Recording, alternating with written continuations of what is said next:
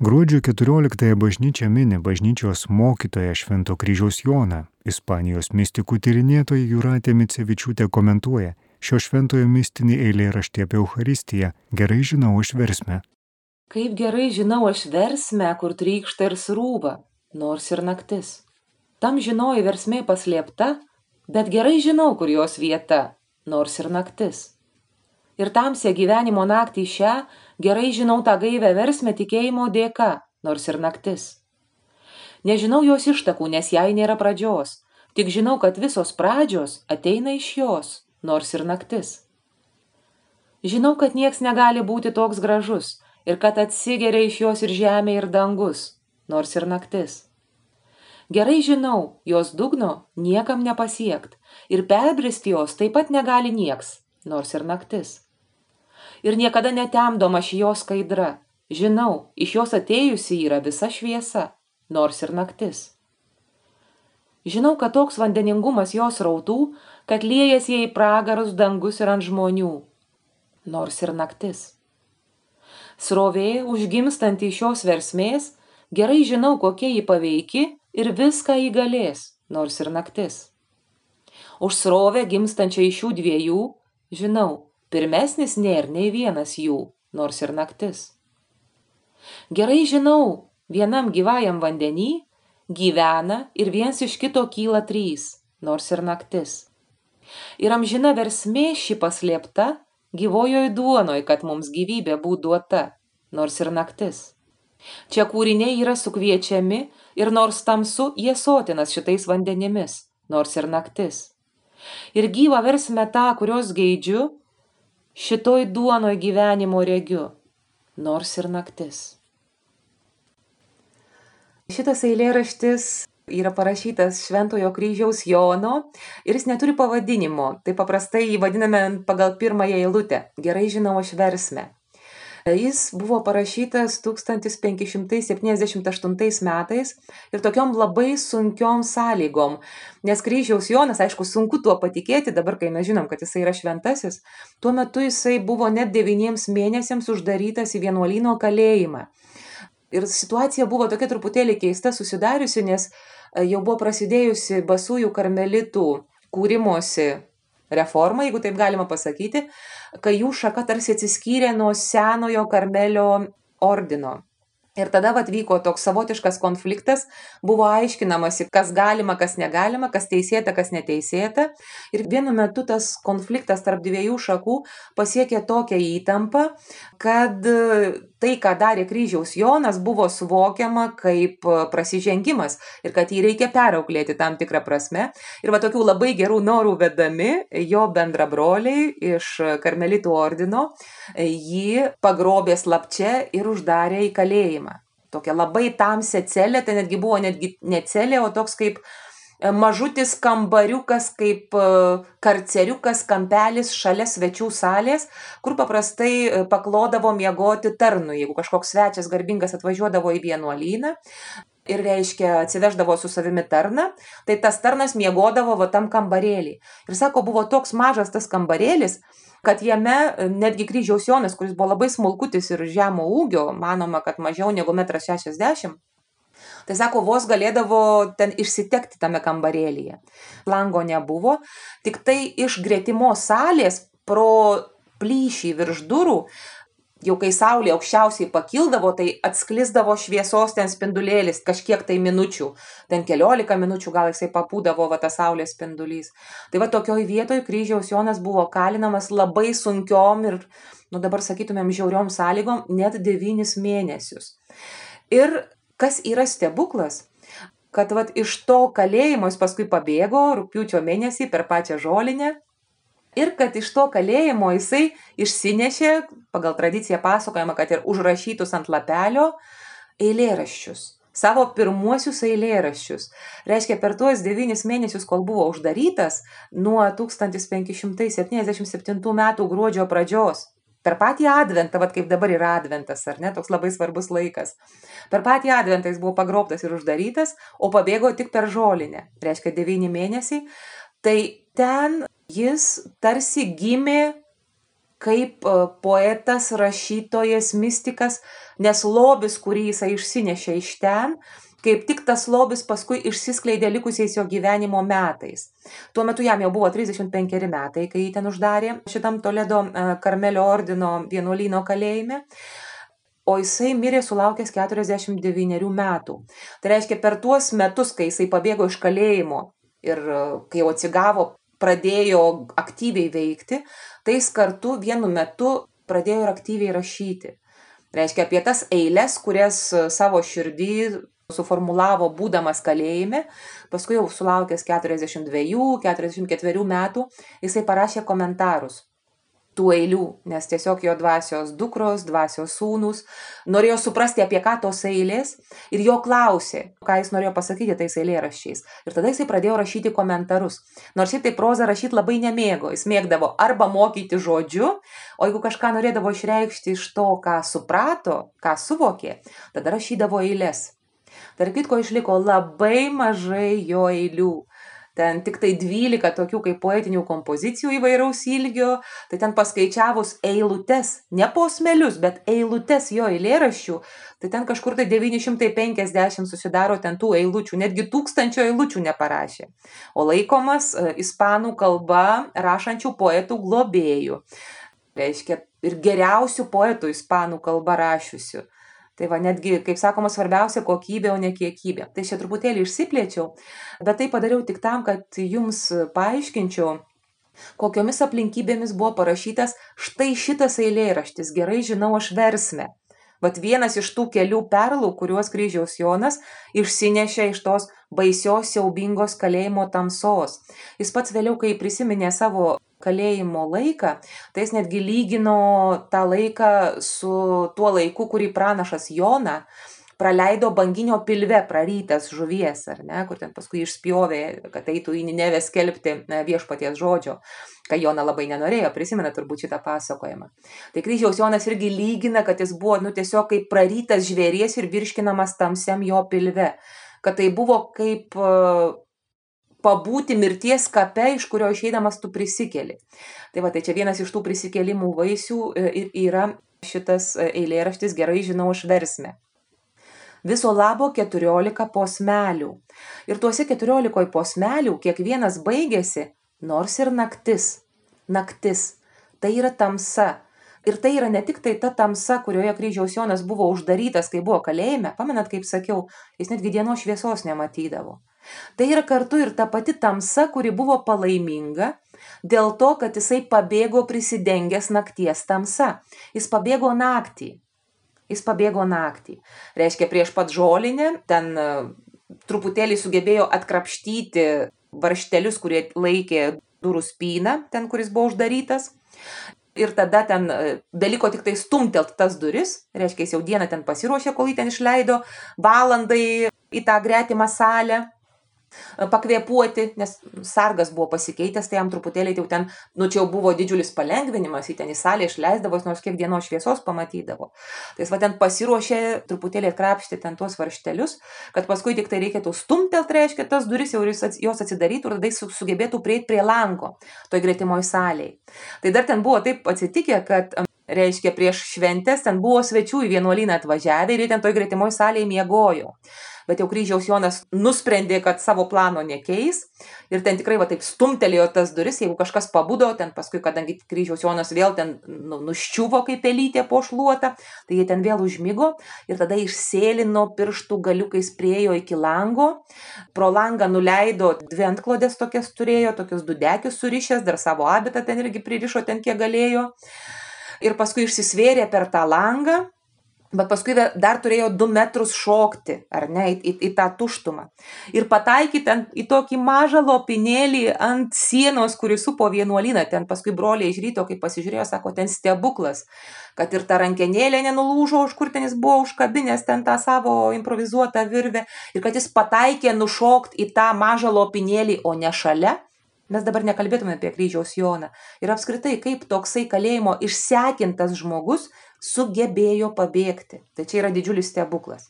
Bet dabar kol kas grįžtame, reiškia, į tą kalėjimą, kai jisai sėdi toje naktyje. ar ne?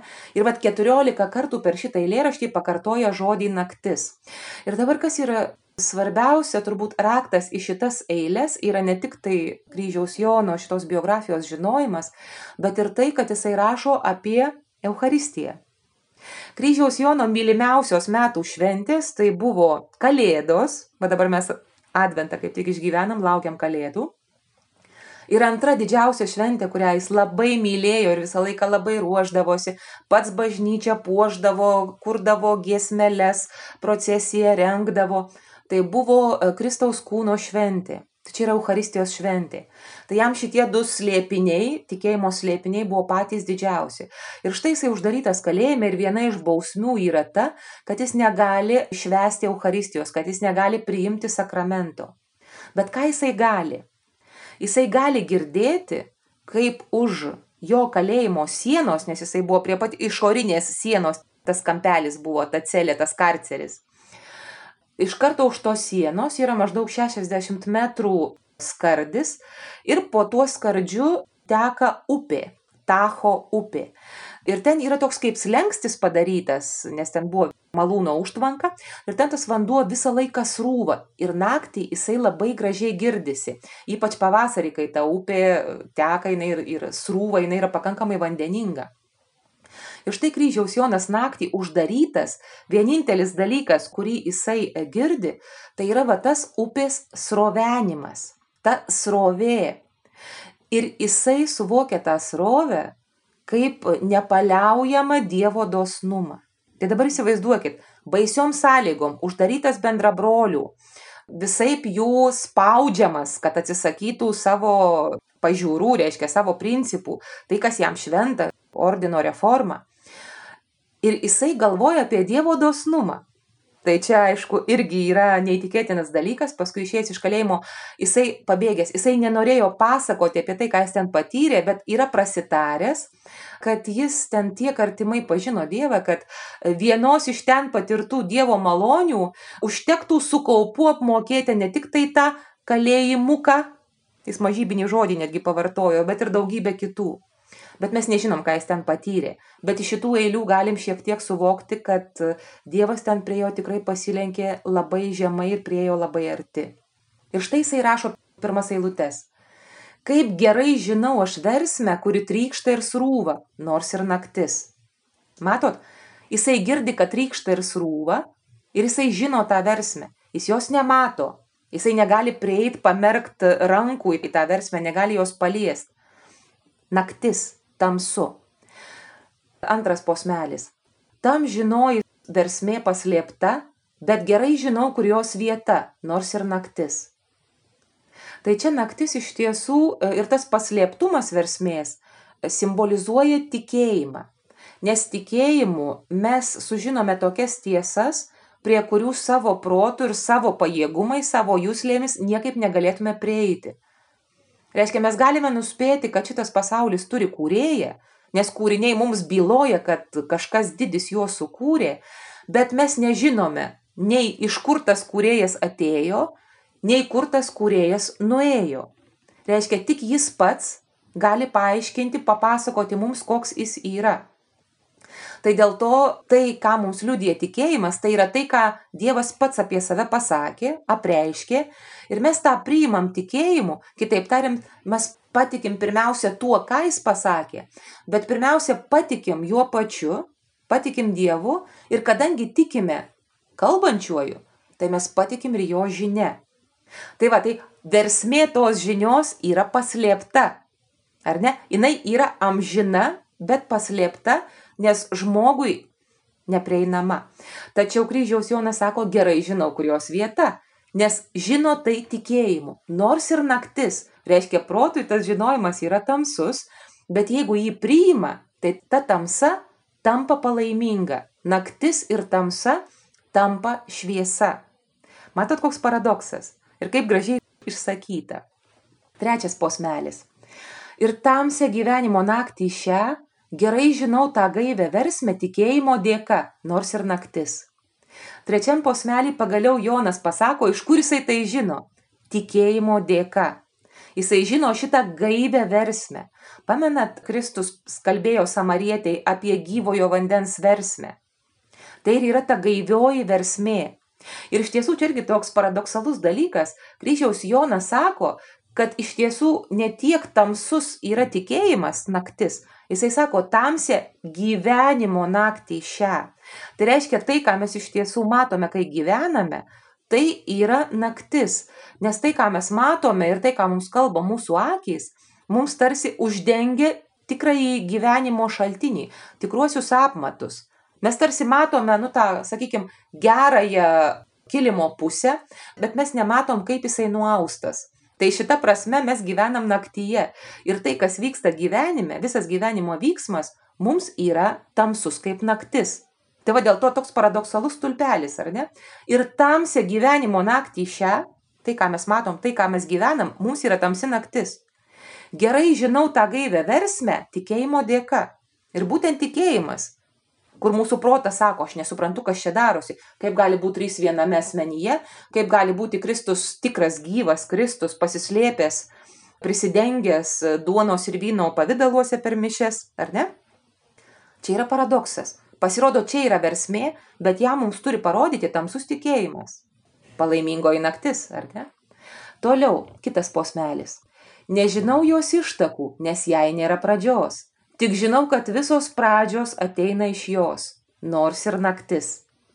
Mus vis dar gaubė tikėjimas ir aš nežinau jos ištakų, šitos versmės ištakų, nes čia yra pats Dievas. Jis yra amžinas ir jis tiek pranoksta žmogų, kad neįmanoma sužinoti jo ištakų. Mes, mums tiesiog protas nesugeba apimti to dalyko, kad ir kiek Dievas mums apie save pasakytų, mus tai vis tiek be galo pranoksta.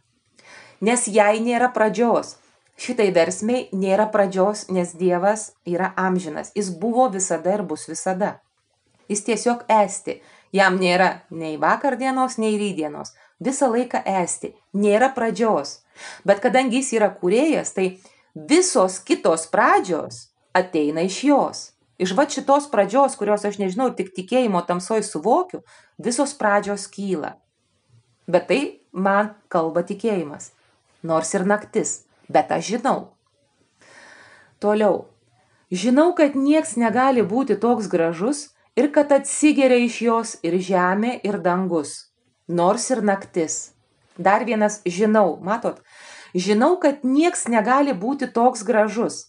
Ir dabar šitoj vietoje žinojimas jau šiek tiek ateina ir iš mūsų jūslių, nes Dievo grožį, kurėjo grožį, mes suvokiam iš jo atspindžio kūrinyjoje kai mes žvelgiame į kūrinyje ir kai mes suvokiame jos didybę ir grožį, per tai mums atsiskleidžia šiek tiek kūrėjo grožis. Pamenat, kaip iš tos psalmės, kur sako, kad naktis dienai ar diena nakčiai pasakoja, ar ne, saulė mėnulis, kriokliai, nuostabi psalmė, kur ten pasakoja apie grožį to, kuris tuos visus dalykus gražius sukūrė mums padovanojo. Ką dar žino, nors ir naktis? Atsigeria iš jos, iš šitos versmės, ir žemė, ir dangus. Atsigeria esamasis laikas, reiškia nuolatinis gyvybės palaikymas. Tai yra ta būtis, kuri pagirdo ir žemę, ir dangų. Palaiko visą gyvybę. Tai nėra žemė nei dangus, tai yra tai, kas pagirdo žemę ir dangų ir be ko nebūtų nei žemės, nei dangaus, nebūtų nieko be būties. Toliau, Gerai žinau, jos dugno niekam nepasiekt ir perbrist jos taip pat negali nieks, nors ir naktis.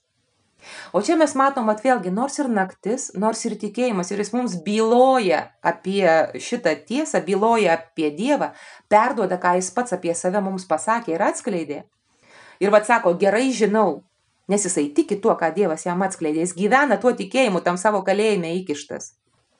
Sako, ką jisai žino, tos versmės dugno niekam nepasiekt. Ir perbrist jos taip pat negali nieks, nes tai yra toks nepriepiamas dalykas ir kaip tik tai ir reiškia žodis slėpinys. Dievas žmogui visada yra slėpinys, bet ne dėl to, kad jis yra pasislėpęs, ar kad jis nenori būti pažintas, nenori, kad žmogus prie jo prieitų. Tiesiog taip yra dėl to, kad, kad ir kiek tu sieksi, tu vis tiek iki galo niekada nepasieksi. Reiškia, vienintelis, kuris pažįsta tėvą, yra sūnus. ar ne? Dievas pažįsta Dievą. Tik tai jis gali pasiekti, bet niekas kitas negali pasiekti. Ir niekas negali perbristi. Tai va, krikščioniui žodis slėpinys kaip tik tai ir reiškia. Dugno pasiekti ir perbrist mes negalim, bet mes galim siekti, mes galim nerti ir mes galime bristi vis toliau ir niekada nebus pabaigos. Čia yra toks dalykas, kur va tas mūsų amžinas nepasotinamas smalsumas gali surasti savo erdvę, nes visa kita mums yra per maža. Visada, kad ir kokį projektą darai, kad ir kokį darbą darai, kad ir ką stengiasi pažinti, suprasti, visada atsitrenki kažkokią ribą. Atsiremiai į kažkokią ribą, kažkokią sieną, sakai, viskas pasibaigė, išsibaigė, štai dugnas, viskas perbridau, o ką dabar daryti? Tai va, šita versmė yra tokia, kur mums niekada nebus ribų. Visą laiką galima eiti dar toliau, nerti dar giliau. Ir tai yra labai gera žinia, nes mes iš tiesų esam nepasotinamos būtybės. Toliau. Ir niekada netemdoma ši jos skaidra. Žinau, iš jos atėjusi yra visa šviesa, nors ir naktis. Ir čia vat irgi toks įdomus paradoksas, kad nors ir naktis, kryžiaus Jonas mums kalba apie šviesą, kad tos versmės skaidrumo niekas niekada netemdo.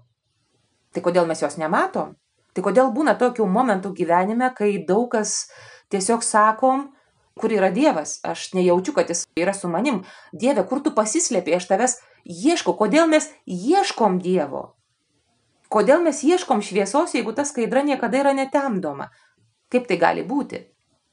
Tai čia kryžiaus Jonas sako, kad iš tikėjimo jisai žino, kad ta skaidra yra netemdoma, kad čia mūsų akis nesugeba jos priimti. Nors visa šviesa atėjo iš tos versmės, bet pati versmė yra toks didelis šviesos šaltinis, toks akinantis šviesos šaltinis, kad mes tiesiog nepajėgiam va tom savo pelėdiškom akim priimti jos švitėjimo. Ta šviesa mus apakina jinai mus akina.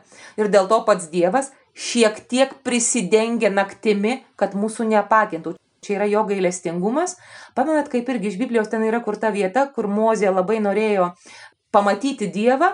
Ir Dievas tik tai leido jam ten, kad jisai plyšį pasislėptų ir paskui ten reiškia pridengė savo ranką ir tik kai jau Dievas praėjo, Mozė pamatė jo nugarą. Tai yra labai tokia įdomi interpretacija, teko girdėti, su vienu teologu kalbėjau, sako, tai jis matė Kristaus, Jėzaus Kristaus nugarą, Mozė, va toj vietoje, nes nu Dievas kaip toks, jisai neturi kūno, jis neturi nugaros. Tai reiškia, tai irgi, va taip, čia tiesiog toks truputėlį nukreipimas būtų. Toliau. Žinau, kad toks vandeningumas jos rautų, kad liejas jie į pragarus dangus ir ant žmonių, nors ir naktis nuostabus posmelis kryžiaus Jono apie tą neišsemiamą vandeningumą šitos srovės. Bet reiškia ta srovė, kuri yra Dievas. Jis yra tokia vandeninga, bet pažiūrėkit, kur liejasi vandenys. Į pragarus, dangus ir ant žmonių. Nes mes žmonės tam tikrą prasme gyvename tokioj, nu kaip tarpiniai būsenoj.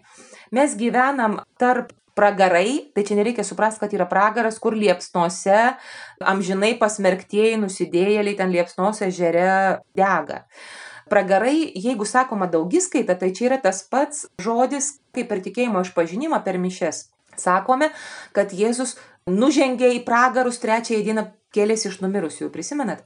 Tai nužengti į pragarus čia reiškia nužengti į mirusiųjų pasaulį. Reiškia, kad tie, kurie mirė iki Kristaus ateimo, jo nepažinę, kad jie turėtų galimybę irgi pažinti, susitikti Kristų, nors ir mirusiųjų pasaulyje. Pragarai čia reikėtų suprasti mirusiųjų pasaulis. Reiškia, tie srautai, tas vanduo, gyvybė teikiantis vanduo, liejasi į mirusiųjų pasaulį. Liejasi ir į dangus, nes iš tos pačios versmės taip pat atsigeria tie šventieji, reiškia tie mirusieji, kurie yra danguje su Dievu, kurie toliau gyvena danguje pas Dievą. Jie irgi geria iš tų pačių vandenų, iš tos pačios versmės, iš kurios galime gerti ir mes žmonės, būdami čia, būdami gyvenime.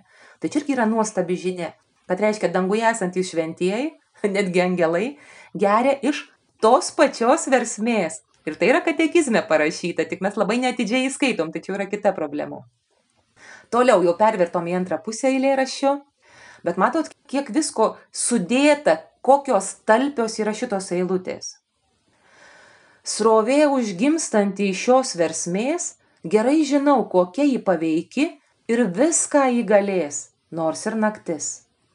Tai dabar čia jau naktis mums atrodo daugiau kaip ta gyvenimo tamsi naktis, kurioje mes gyvenam, bet mes turim šitoje naktyje tą neišsenkančią vandeningą srovę, gimstančią iš šios dieviškosios versmės, iš to gyvojo vandens šulinio, iš to šaltinio.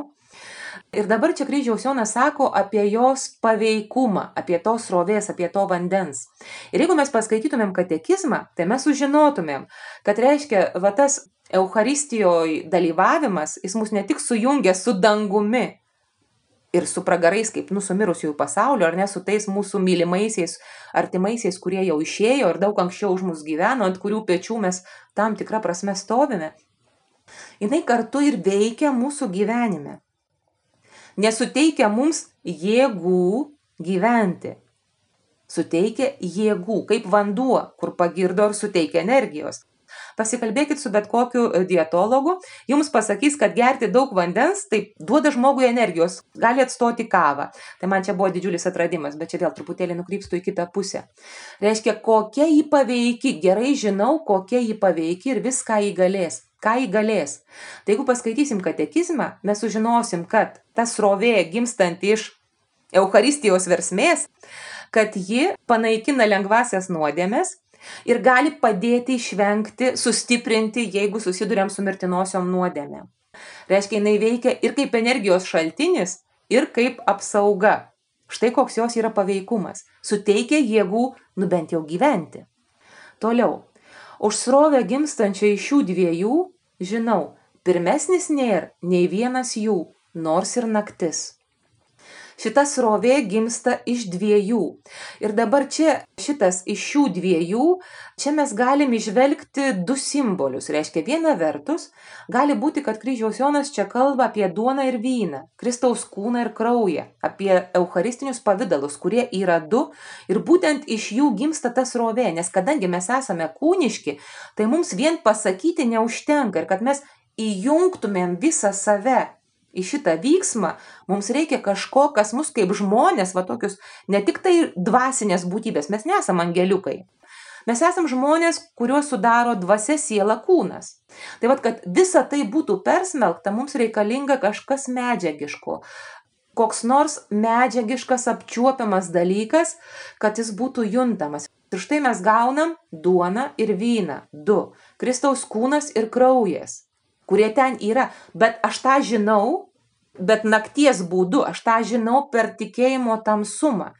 Aš nejaučiu kraujo skonio ar mėsos skonio, kai aš priimu Eucharistiją, kai aš priimu komuniją. Reiškia, aš žinau tuo tamsiuoju nakties būdu, bet šita srovė gimsta iš dviejų. Bet yra mūsų tikėjime dar vienas slėpinys, kur irgi yra kalbama apie du. Tai yra Kristus, Jėzus Kristus, kuris yra tikras žmogus ir tikras Dievas. Štai iš kur gimsta šita srovė. Skirta mums žmogus ir Dievas, tikras žmogus, tikras Dievas. Žinau, pirmesnis nėra nei vienas jų. Dar vienas liepinys. Mes nežinom, kokiu būdu tai vyksta, bet tikėjimas mums tai byloja, kad Jėzus nėra vėlesnis už tėvą. Jis yra tos pačios pradžios kaip ir tėvas, reiškia toks pats neturintis pradžios kaip ir tėvas. Mes bandom išvelgti į tą slėpinį, bet jis mums toks tamsus, matot, va tik pradedu aiškinti ir iš karto susipainioju. Tai reiškia geriausiai paimti katekizmą, paskaityti ir tuomet pabandyti, nu kažkaip truputėlį suprasti, apie ką ten kalba eina. Bet mes, ką mes žinom iš tikėjimo, kad srovė gimsta iš šių dviejų. Vat būtent iš to slėpiningo buvimo buvojimo vienu metu tikras žmogus, tikras Dievas. Reiškia, dalis to, kas aš esu, aš kaip žmogus, yra jau įimta į Dievą. Ir čia yra toks lėpinys, kad nu tikrai iš karto tamsu pasidaro. Toliau. Gerai žinau, vienam gyvajam vandenį gyvena ir viens iš kito kyla trys, nors ir naktis. Ir čia pereinam prie dar vieno slėpinio - švenčiausioji trejybė. Reiškia, vienam gyvajam vandenį, toj pačioj versmei, gyvena trys švenčiausioji trejybė. Reiškia tėvas, sūnus ir šventoji dvasia. Ir reiškia, tas tekėjimas vandens, tas sruvimas, tas vandeningumas, tas rovenimas, tam tikra prasme yra tarsi meilės rovenimas tarp jų, tarp tėvo, sūnaus, šventoji dvasia, kuri yra tarp jų srovenanti meilė. Jie yra trys, bet jie nėra trys tiesiog tokie statiški, stovintys. Jie yra trys, kur visą laiką vyksta srovenimas, vyksta judėjimas, vyksta komunikacija, apsikeitimas. Ir nuostabiausia, kad va tame slėpiningame trijų veikime, jų sąveikoje tarpusavio, kad ten dalyvauja ir žmogystė kad ten dalyvauja ir Kristaus žmogystė, o per ją ir mes. Nuostabus reikalas. Toliau. Ir amžina versmė ši paslėpta gyvojoj duonoj, kad mums gyvybė būtų duota, nors ir naktis. Versmė yra amžina. Ir ji yra paslėpta gyvojoj duonoj, kad mums gyvybė būtų duota, nors ir naktis.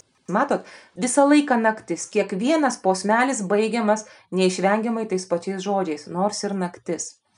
Šita versmė yra amžina, dėl to, kad tai yra Dievas, mes jau šitą išsiaiškinom. Jis yra paslėpta gyvojoj duonoj. Paslėpta dėl to, kad kūno akimis ir jūslėmis, pavyzdžiui, skonio pojūčių, mes nejaučiam šito. Dėl to jinai mums yra paslėpta ir mes tiesiog tą žinom tikėjimu, žinom nakties būdu.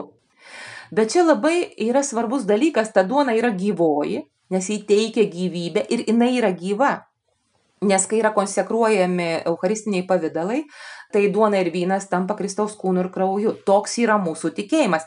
Nu bent jau per mišes mes paskelbėm, reiškia garsiai, kai kalbam tikėjimo išpažinimą, mes paskelbėm, kad tuo tikim, ar ne? Tai tikėjimas reikalauja tuo tikėti, matot. Bet dabar, kad mums gyvybė būtų duota.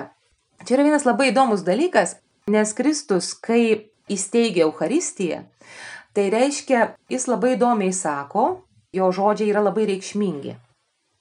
Taip, tai čia yra iš Jono Evangelijos, čia pacituosiu, nes nu, tikrai svarbu. Atsiverčiau, vad kaip tik.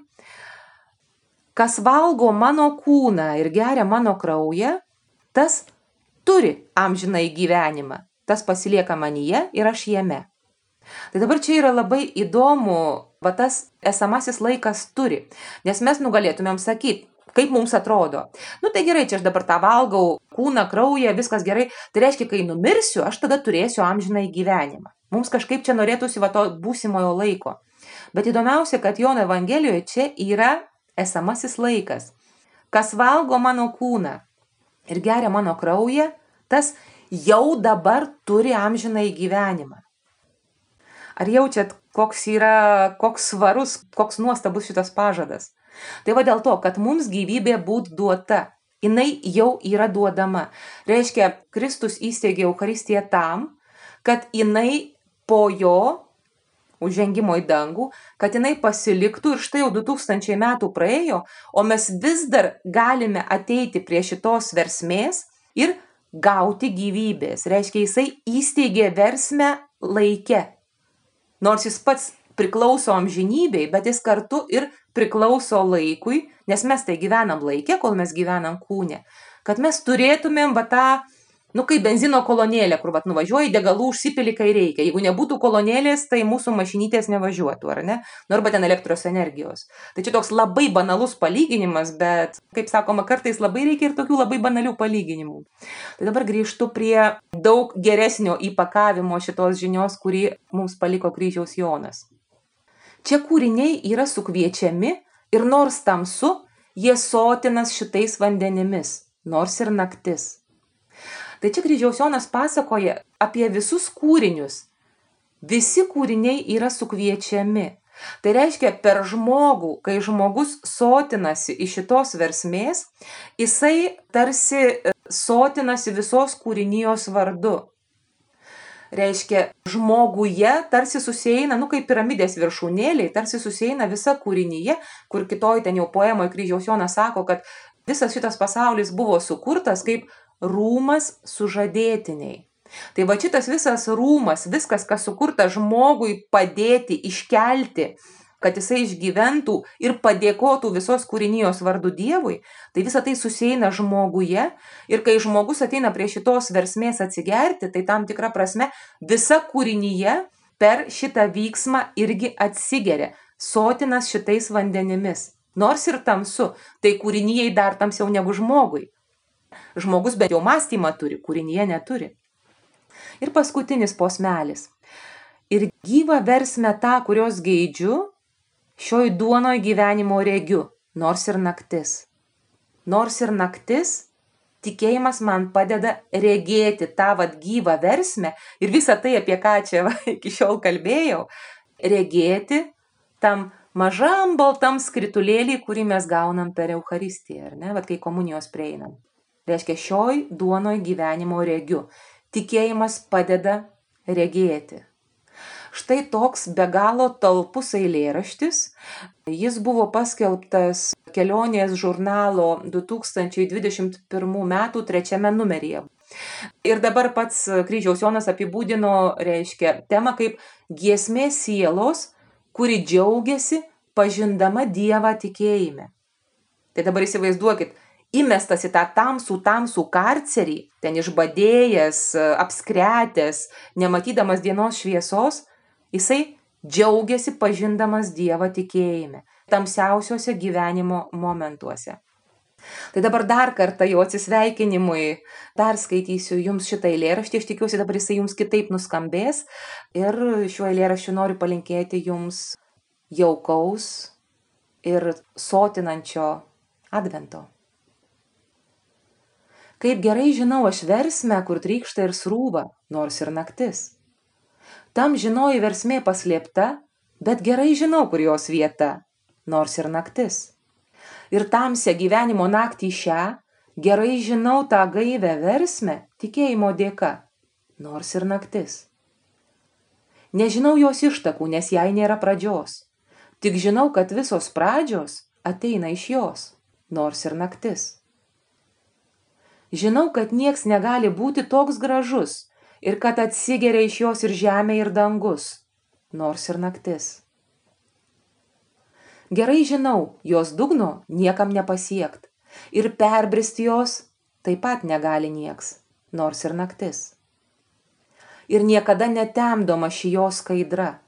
Žinau, iš jos atėjusi yra visa šviesa, nors ir naktis. Žinau, kad toks vandeningumas jos rautų kad liejas jie į pragarus, dangus ir ant žmonių, nors ir naktis. Srovė užgimstanti iš šios versmės, gerai žinau, kokia jį paveiki ir viską įgalės, nors ir naktis. Už srovę gimstančią iš šių dviejų, žinau, pirmesnis nėra nei vienas jų, nors ir naktis. Gerai žinau, vienam gyvajam vandenį gyvena ir viens iš kito kyla trys, nors ir naktis.